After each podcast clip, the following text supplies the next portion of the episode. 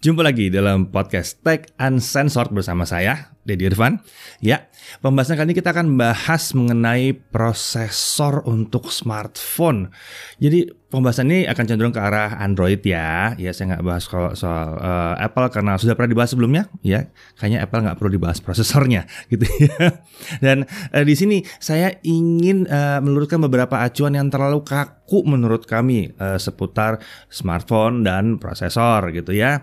Jadi uh, untuk memudahkan nanti kita bahas soal prosesornya sedikit lebih dalam biar paham ya. Karena kalau nyari HP pribadi itu untuk nyari diri sendiri kan ya. Jadi bukan untuk nyari apa yang disukai teman, apa yang disukai oleh forum, apa yang disukai sama orang lain, bukan. Jadi sebaiknya memang kita paham uh, eh, HP ini sendiri, paham spesifikasinya sendiri, ya kan? Oke, mari kita mulai. Nah, podcast ini dapat temui dalam bentuk uh, video di YouTube, uh, YouTube-nya Jagat Review tentunya, uh, di kanal podcast Jagat Review yang ada di Spotify, di Google Podcast, Apple Podcast, Anchor, dan yang lain-lainnya. Oke, mari kita mulai ya. Nah, oke, okay, buat kalian yang membeli handphone atau pernah beli handphone, pernah dalam proses beli handphone, pasti pernah dengar kata-kata seperti Snapdragon, MediaTek atau MTK, Exynos, Kirin dan lain-lain. Pernah dengar? Pasti pernah dengar ya. Oke. Okay. Terutama kalau kalian yang awam ini eh, mungkin berkonsultasi dengan teman yang lebih paham teknis soal smartphone. Ya enggak ya? Pasti mereka mulai keluar tuh kata-kata itu ya.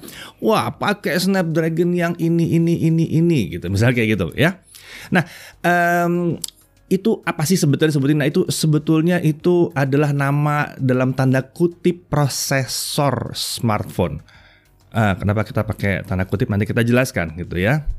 Nah, uh, kenapa kita bahas kali ini sebetulnya karena sering sekali ada pertanyaan ke kami yang yang uh, hadir.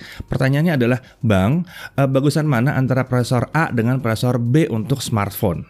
Ya, ini jarang banget kami jawab dengan sederhana atau bahkan kadang-kadang pas mau jawab tuh aduh aduh kenapa pertanyaan kayak begini gitu. kenapa kenapa seperti itu ya?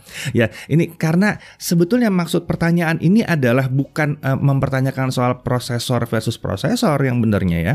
Tapi maksudnya adalah membandingkan HP yang satu dengan HP yang lain. Kebetulan prosesornya beda. Jadi tanyanya prosesornya gitu. Ya, ya ini yang jadi masalah sebetulnya. Kalau mau nanya HP-nya jangan tanya prosesornya gitu ya. Karena prosesor smartphone itu penting, tapi menilai smartphone secara utuh itu paling penting. Hmm. Uh, untuk menjelaskannya kita mulai dari mana ya? Gimana kalau kita mulai dari uh, pembahasan mengenai si uh, prosesornya sendiri ya? Gimana? Kita uh, bahas uh, komponen yang satu ini uh, yang yang maha penting ini uh, untuk memahami semua argumen uh, kita kali ini. Jadi agak sedikit teknis nggak apa ya. Oke. Okay.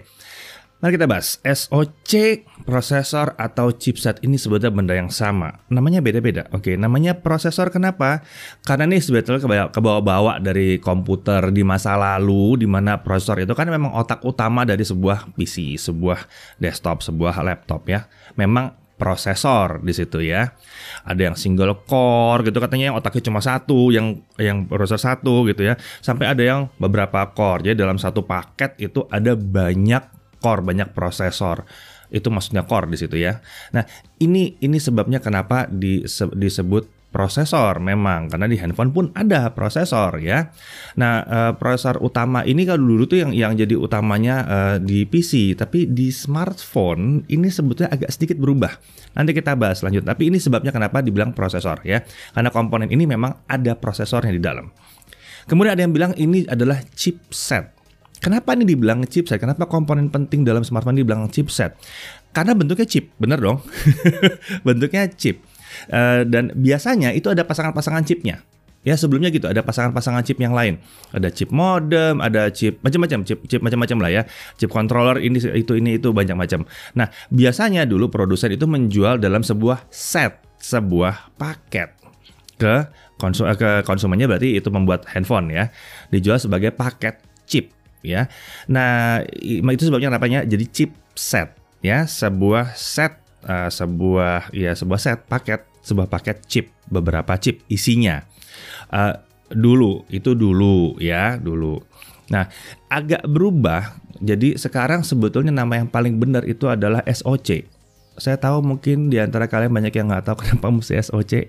Saya tahu mungkin kalian kalau datang ke toko handphone nanya Mbak ya cari atau Mas cari yang SOC gini pasti nggak nemu karena kemungkinan besar nggak nemu karena nggak ngerti SOC itu apa. Tapi sebetulnya namanya adalah SOC, System on Chip. Iya, karena chipnya cuma satu sekarang. Umumnya chipnya cuma ada satu ya. Udah digabung jadi satu dari sisi prosesornya, GPU atau VGA itu yang yang ngurus proses gambar, tiga dimensi segala macam. Modem, iya, iya modem, iya modem bukan modem dial up, bukan. Ini modem yang buat komunikasi 4G, 5G apalah itu ya buat telepon segala macam. Ini modem namanya. Alat untuk komunikasinya ini ya, modem. Kemudian prosesor khusus untuk proses gambar, untuk foto dan video gambar yang tangkap atau ISP, Image Signal Processor. Uh, iya, itu itu juga ada dalam satu chip ya.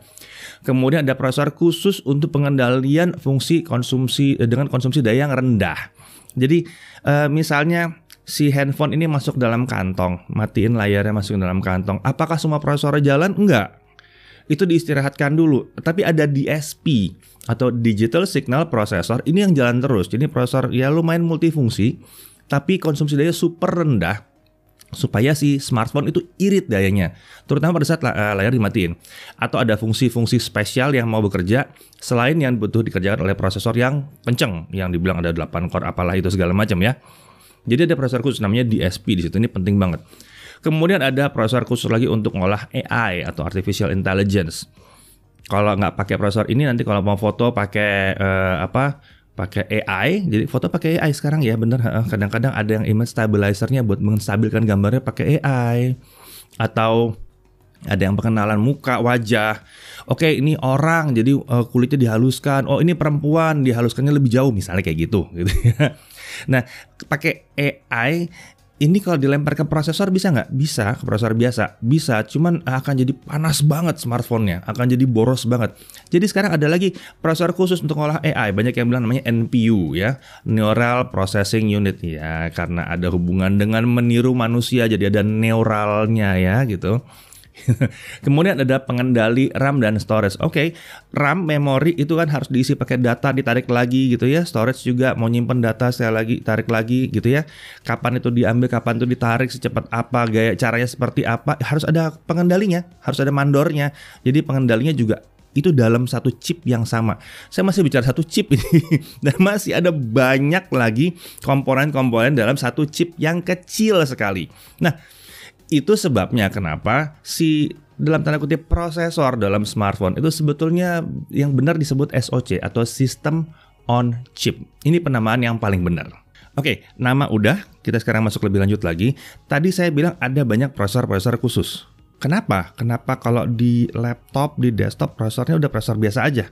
Kita nggak dengar nama-nama prosesor khusus. Sebetulnya ada sih sedikit ya tapi nggak sebanyak di handphone gitu ya. Nah di smartphone itu uh, semua pekerjaan tuh nggak bisa diurus pakai prosesor utama. Tadi sudah bilang jadinya boros nantinya. Dia nggak efisien kalau mengerjakan semua pekerjaan itu pakai prosesor yang kenceng gitu yang yang paling kencengnya. Enggak itu nggak efisien gitu. Oleh sebab itu dibuatlah prosesor-prosesor spesial yang kecil-kecil ini untuk mengerjakan pekerjaan-pekerjaan yang cenderung lebih sering dikerjakan. Supaya uh, nggak boros tadi gitu ya. Jadi khusus ini harus lebih irit dan lebih efisien. Analoginya adalah gini, seseorang yang spesialisasinya memang cuma di satu hal ya, itu jago banget satu hal itu biasanya emang nggak jago di hal yang lain. Itu wajar karena spesialisasi namanya. Emang spesial ngerjain itu aja ya gitu. Tapi kalau dia mengerjakan hal yang spesialnya dia, itu dia jadi sangat hebat sekali, sangat efisien sekali luar biasa cepat banget mungkin. Ya bisa macam-macam. Misalnya spesialisasinya bungkus kado gitu. Kita bungkus kado mungkin butuh waktu. Sementara orang-orang yang terbiasa banget dengan bungkus kado, spesialisasinya bungkus kado, mungkin cari duitnya dari bungkus kado gitu. Itu kalau bungkus kado biasa cepat tet tet tet selesai gitu ya. Sama kayak orang uh, masak gitu ya. Spesialisasinya emang masak banget. Motong rajang bawang gitu. Kalau kalian nggak biasa ngerajang motong-motong bawang, bisa motong bawang pasti bisa pelan-pelan. Sementara uh, chef yang udah biasa, wah motong bawangnya udah kayak mesin, selesai gitu kan, cepet, nggak nggak buang-buang waktu. Mereka bisa tuh ngidupin kompor dulu, baru potong-potong. Kalau kalau chef uh, jadi-jadian selama masa uh, di rumah aja ini biasanya ya nggak gitu, potong-potong dulu aja, baru hidupin kompornya. Kalau nggak ntar keburu habis tuh minyak meluap uh, menguap semua. Kenapa sih curcol ke situ? Oke oke balik balik balik. Kita balik ke prosesor. Jadi intinya spesialisasi ya. Jadi prosesor-prosesor ini adalah prosesor-prosesor kecil yang jadi prosesor yang spesial di situ. Nah, prosesor-prosesor kecil ini, ya komponen-komponen ini itu mengendalikan hampir semua aspek dari smartphone. Ada yang mengendalikan caranya ngecas, ada yang ngendaliin kamera, ada yang ngendaliin layar. Jadi semua itu dikendalikan dari sebuah prosesor bukan SoC. Jadi gabungan dari semuanya. Jadi dari sebuah SoC ini jadi SoC ini adalah otak utama dari semua smartphone. Jadi poinnya sebuah HP bisa boleh punya sensor kamera bagus, tapi kalau ISP-nya atau prosesornya jelek, ya hasil fotonya susah untuk jadi optimal.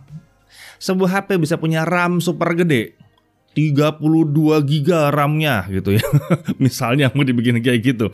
Tapi kalau bagian core CPU ya prosesor prosesor yang kencangnya, GPU yang untuk bikin main game 3D-nya itu nggak kencang, ya gamenya segitu-gitu aja. Mau RAM-nya segede apa juga nggak ngaruh. Ibarat kata jalannya mau segede apa, kalau yang jalan di atas itu cuman bajai ya larinya segitu-gitu aja gitu kan.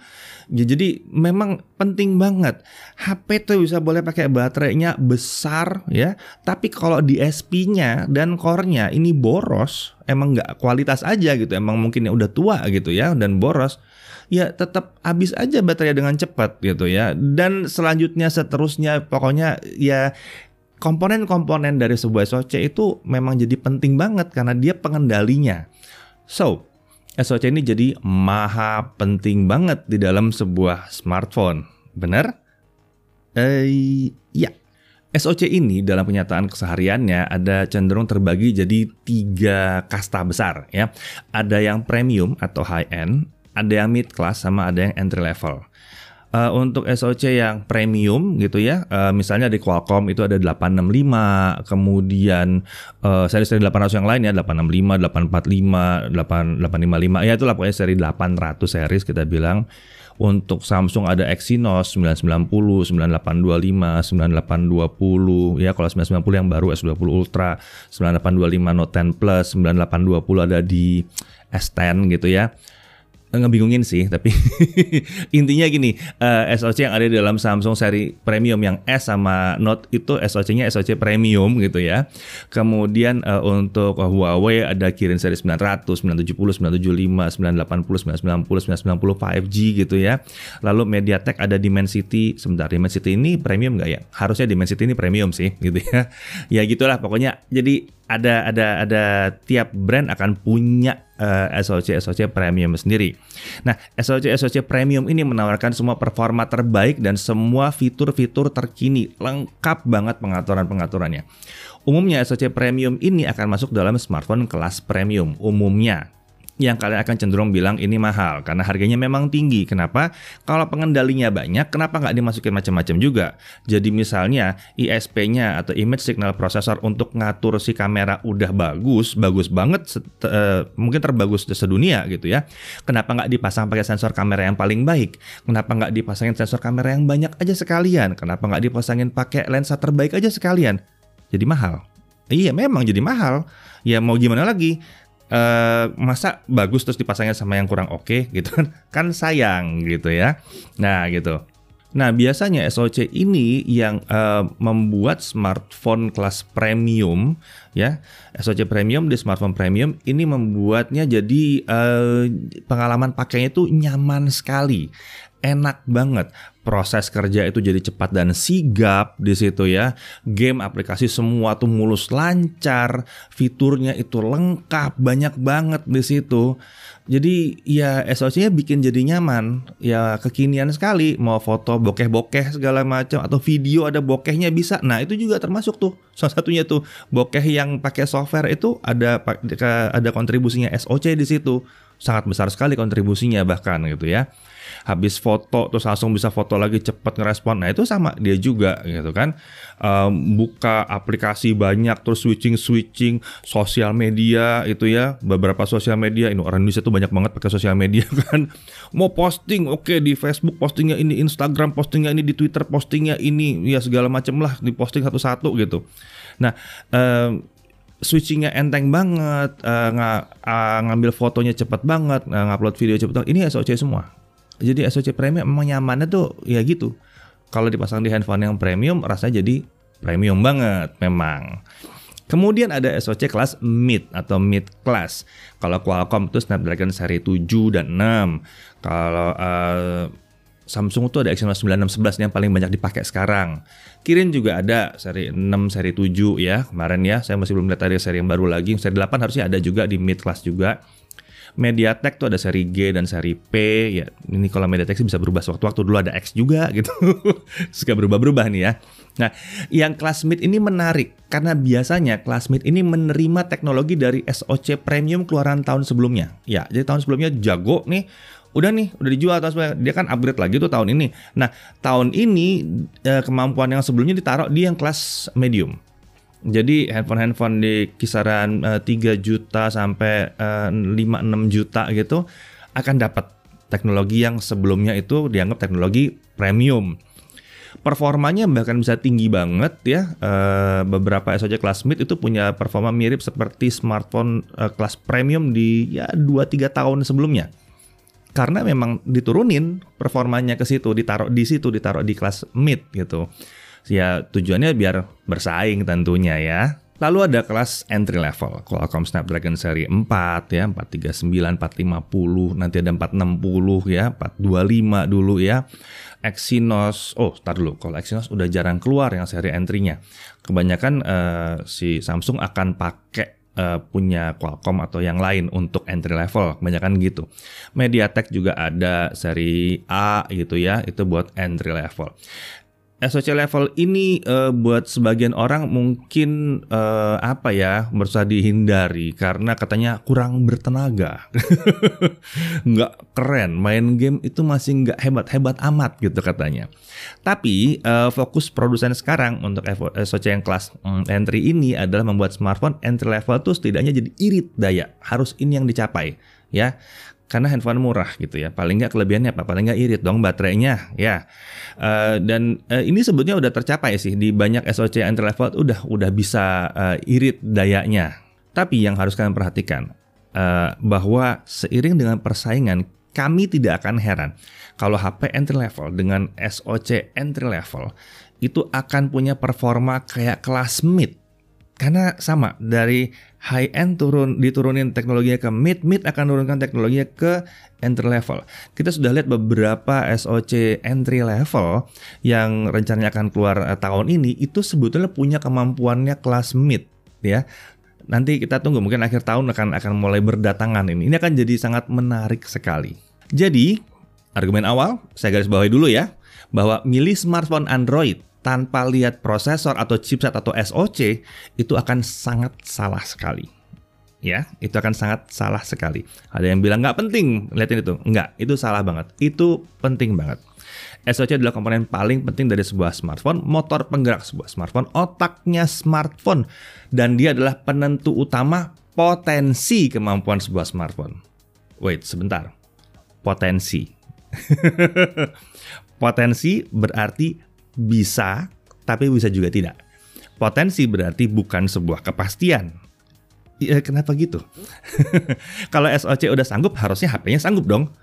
Um, teoritis begitu, tapi uh, produsen HP bisa memilih untuk tidak menggunakan kemampuan SOC tersebut. Udah mulai kesel dengarnya? Ya, dan ini sering terjadi ya. Itu sebabnya kita bilang bahwa yang paling penting adalah yang paling penting adalah paket smartphone secara menyeluruh. Uh, uh, mau contoh, oke, okay. Poco F1 dan Nokia 8, mungkin ini contoh yang yang uh, menarik gitu ya. Nokia 8 itu pakai Snapdragon 835, 800 series. Berarti dia premium. Penampilan premium, luar biasa. Poco F1 pakai Snapdragon 845 premium juga ini keluar di tahun yang berbeda memang ya 845 dia belakangan pada masanya, pada masanya masing-masing ini hadir dengan SoC yang sangat menarik dan banyak orang bilang, wah ini kenceng nih, asik banget nih. Nokia 8 hadir dengan kamera yang sangat mengecewakan. Sayang sekali. Keren tapi kameranya ya gitu deh. Walaupun akhirnya bisa diperbaiki dengan Gcam sekarang-sekarang ini gitu ya. E, bisa. Tapi lagi-lagi pada saat kita ngetik itu vibrate pas ngetik itu nggak enak banget. Banyak yang aduh apaan sih kok kayak gini? Mendingan dimatiin aja deh vibrate-nya gitu ya. Tapi jadi nggak dapat tactile feedback atau haptic feedbacknya itu nggak dapet gitu ya.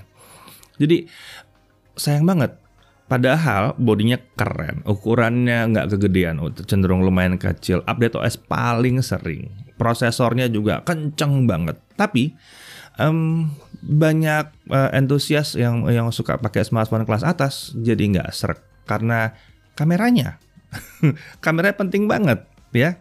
Sayang sekali pada saat itu. Kemudian contoh berikutnya. Poco F1 hadir dengan 845 harga super miring. Gila tuh miring banget harganya pas itu.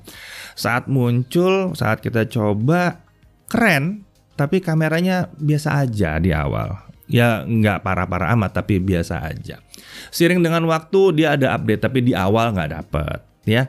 Kemudian eh, uh, beberapa aplikasi kayak Netflix bermasalah karena nggak bisa nyampe ke resolusi yang paling tinggi. Harus LSD aja dulu. Ya mungkin DRM-nya masih belum dipikirin karena harga smartphone-nya mau dibikin semurah mungkin. Dan uh, kualitas layar ya ini jelas kualitasnya kualitas murah. Memang layarnya karena mau dibikin smartphone yang murah touchscreen itu juga banyak bikin masalah banyak yang komplain randomly komplain ya bilang kata touchscreennya nggak gitu responsif Ya, pada akhirnya kedua smartphone ini cenderung uh, dihindari oleh semua yang udah terbiasa pakai smartphone flagship beneran atau yang flagship yang kelas atas yang notabene harganya emang lebih tinggi gitu ya. Ya, kenapa? Karena ya itu tadi smartphone itu bukan hanya soal SoC doang. Tempel SoC selesai beres. Enggak, yang membuat sebuah flagship itu adalah kelengkapan fitur, kenyamanan fitur, ya, kerennya fitur itu bekerja. Jadi nggak bisa cuman asal SoC doang. Oke, okay, pada akhirnya memilih sebuah smartphone, eh, terutama yang Android itu memang uh, butuh sedikit ekstra effort, ekstra uh, usaha gitu ya. Butuh paham tentang uh, smartphone-nya sendiri, paham komponennya, dan yang paling penting adalah paham kebutuhan pribadi kita masing-masing. Eh, kebutuhan pribadi banget. Iya memang kebutuhan pribadi kita seperti apa gitu. Ya tentunya juga um, well, dana itu yang mesti diperhatikan banget ya. Ini ini sih nggak usah diajarin, nggak usah diajarin. Kalau dananya nggak nyampe nggak nyampe aja gitu ya, gitu. SOC memang sangat penting diperhatikan, tapi uh, komponen dan kemampuan lain itu sangat penting untuk dilihat ya. Sebuah smartphone tidak bisa dilihat dari SoC-nya doang. SoC-nya kenceng tapi storage-nya kekecilan. Nggak nyaman gitu ya. Nambah micro SD bisa, tapi internal storage itu tetap yang paling bagus. Kecepatannya dan daya tahannya itu yang paling beres untuk yang internalnya nih ya. Kemudian eh, SoC canggih ISP-nya ya, image processor paling canggih gitu. Sensor kamera canggih.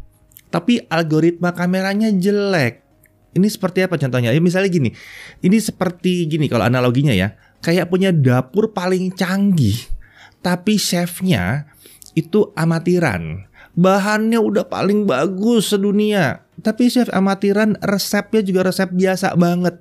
Hasilnya masakannya ya biasa aja. Udah syukur nggak gosong masakannya, bener nggak? Mirip, mirip, mirip. Jadi sebuah perusahaan smartphone bisa masukin prosesor paling canggih sedunia, kamera paling canggih sedunia, tapi tidak punya riset dan development di situ. Dan riset dan development ini butuh orang, butuh orang yang paham banget, butuh orang yang pakar sekali. Tentunya gajinya nggak kecil ya. Nah ini yang nanti bisa menghasilkan kualitas gambar yang bagus. Ya, jadi misalnya lagi contoh, SOC itu bisa punya kemampuan charging keren. Wah, bisa quick charge sekian sekian, quick charge 21 gitu misalnya. Terserah quick charge yang mana ya. Kemampuan charging luar biasa. Tapi kalau dalam smartphone-nya itu nggak ada unit chargingnya. Percuma. Kan ada unit chargingnya yang khusus yang untuk ngisi si, si baterainya. Itu harus ada unit charging di dalam smartphone-nya sendiri. Atau parah lagi, kabelnya nggak bagus. Atau chargernya nggak diikut sertakan, jadinya harus beli lagi charger, masa keluar duit lagi gitu kan? ya, ya agak-agak percuma jadinya. Hasilnya ya biasa-biasa aja gitu kan. Walaupun katanya SOC-nya udah yang tercanggih dan sanggup mengendalikan uh, sistem charger yang paling hebat sedunia. Contoh lagi, SOC-nya bisa jadi katanya udah support video HDR, bisa muter 8K, 8K kalau perlu sekalian 4K 120 atau whatever uh, apa resolusi tinggi-tinggi. Bisa, bisa SOC-nya bisa. Tapi kalau produsen smartphone-nya tidak dukung dengan semua lisensi-lisensi yang harus dilengkapi, membuat pas muter Netflix ya, resolusinya cuma uh, di bawah HD, itu cuma standar definition doang ya nggak enak juga jadinya. Kayaknya yang kurang juga di sini gitu ya. 4K 4K tapi ya gimana dong ditahan juga kualitasnya sama softwarenya. Ya simply karena produsen smartphone-nya sendiri nggak nyediain itu gitu ya. Jadi sekedar hanya punya SoC paling canggih itu uh, nggak nggak menjamin bahwa kalian bisa dapat semuanya. Nah yang mesti dilihat juga bisa juga terjadi seperti ini. SOC bisa jadi bukan yang paling tinggi, bukan yang paling canggih, tapi yang mid end. Tapi kameranya keren, algoritmanya keren. Kenapa enggak? Contoh bagus misalnya Samsung, ya Samsung, kelas mid. Itu contoh yang bagus bahwa dia punya algoritma bagus buat uh, kamera video terlepas dari image stabilizer nggak ada. Begitu kalian pakai tripod itu algoritmanya bagus banget. Udah gitu mikrofon internalnya itu juga bagus banget. Jadi bisa ngerekam suara bagus banget. Lihat uh, lihat atau dengarkan lah ya review kami yang seputar smartphone Samsung yang uh, mid atas A51, A71 misalnya gitu ya. Dengerin suaranya, dengerin pas kita jalan segala macam, itu suara masuk dengan bagus banget. Jadi ya eh, itu bukti bahwa tidak butuh yang paling atas juga untuk bisa mencapai itu gitu ya. Lalu SOC bisa aja entry level, tapi kalau udah cukup untuk multitasking, baterainya udah irit gitu ya, didukung dengan baterai besar lagi, gitu ya tentunya eh, ini akan cocok buat yang kerjanya mobile sekali. Ya, belum lagi harganya juga murah gitu handphonenya. Jadi orang-orang yang jarang ketemu dengan colokan listrik gitu ya, mobile banget, itu akan bisa sangat pakai ini, fitur yang kayak gini.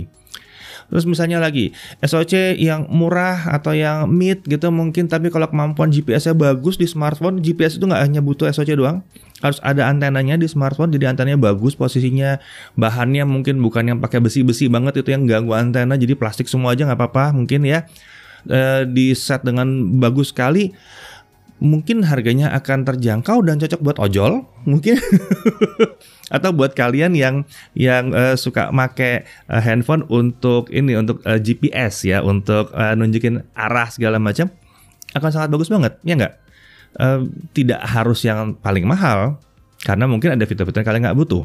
Kemudian SOC bisa aja bukan yang paling atas tapi kalau case-nya dibalut dengan uh, apa uh, lapisan atau ada sealnya untuk yang tahan cuaca, ada IP rating atau 67, 57, 68 apalah itu ya yang bisa tahan uh, hujan gitu akan cocok buat kalian yang suka bertualang ke alam mungkin ya atau suka main ke laut jadi supaya air nggak gampang masuk ke dalam handphonenya atau air garamnya pun nggak masuk gampang masuk ke dalam handphone jadi handphonenya aman atau untuk navigasi di motor kalian pada saat touring. Kan asik tuh ditempel di atas motor aja, lagi touring, wah bisa lihat GPS ini mau belok kanan belok kirinya kelihatan semuanya. Pas ada hujan santai, ah cuma hujan dikit doang nggak apa-apa gitu kan. E, kalau handphonenya mahal-mahal amat tapi nggak punya kayak beginian akan masalah gitu. Lagi touring keren-keren, eh sebentar, bentar, bentar, bentar, bentar, tunggu masukin dulu, masukin dulu gitu. Atau mesti pakai plastik terus jadi nggak kebaca gitu gara-gara ketutup-tutupan pakai plastik, nggak enak ya kan? Jadi tidak hanya SOC saja yang paling penting. Ada hal-hal lain yang sangat penting sekali sebagai pelengkap sebuah smartphone. Jadi ingat ya, kalau beli smartphone Android itu perhatikan semua aspeknya, perhatikan semua fiturnya, pelajari SOC-nya. Iya, SOC juga penting, tapi ya salah satu gitu ya. Pelajari HP-nya, bukan hanya salah satu komponennya. Sedikit tips yang lucu adalah kalau diperhatikan dengan seksama, sebenarnya smartphone flagship itu adalah HP yang paling murah loh. ya. Um, uh, tapi pembahasan mengenai barang murah itu seperti apa, bagaimana menilainya pembahasan mengenai HP flagship yang dibilang murah, kenapa harusnya banyak yang pertimbangan itu, um, itu kita simpan buat podcast berikutnya untuk argumen kami kami dalam podcast podcast berikutnya. Karena akan panjang juga argumennya dan mungkin akan menarik ya untuk dibahas secara spesifik gitu ya. Oke, semoga uh, sudah paham sekilas ringkas mengenai SoC atau prosesor atau chipset dari sebuah smartphone ini. Kalau butuh uh, detail pembahasan SoC yang lebih uh, lebih dalam lagi, sebetulnya di kanal YouTube kami itu juga sudah ada review review-review tentang SoC. Bahkan dari awal-awal banget keluar itu kita udah bahas kemampuannya ada apa aja, bisa ngapain aja, bahkan benchmarknya seperti apa gitu. Itu ada detail-detail banget gitu. Tinggal datang aja ke YouTube-nya Jagat Review. Ya, oke. Sampai di sini dulu podcast kita kali ini. Saya Dirifan, Jagat Review.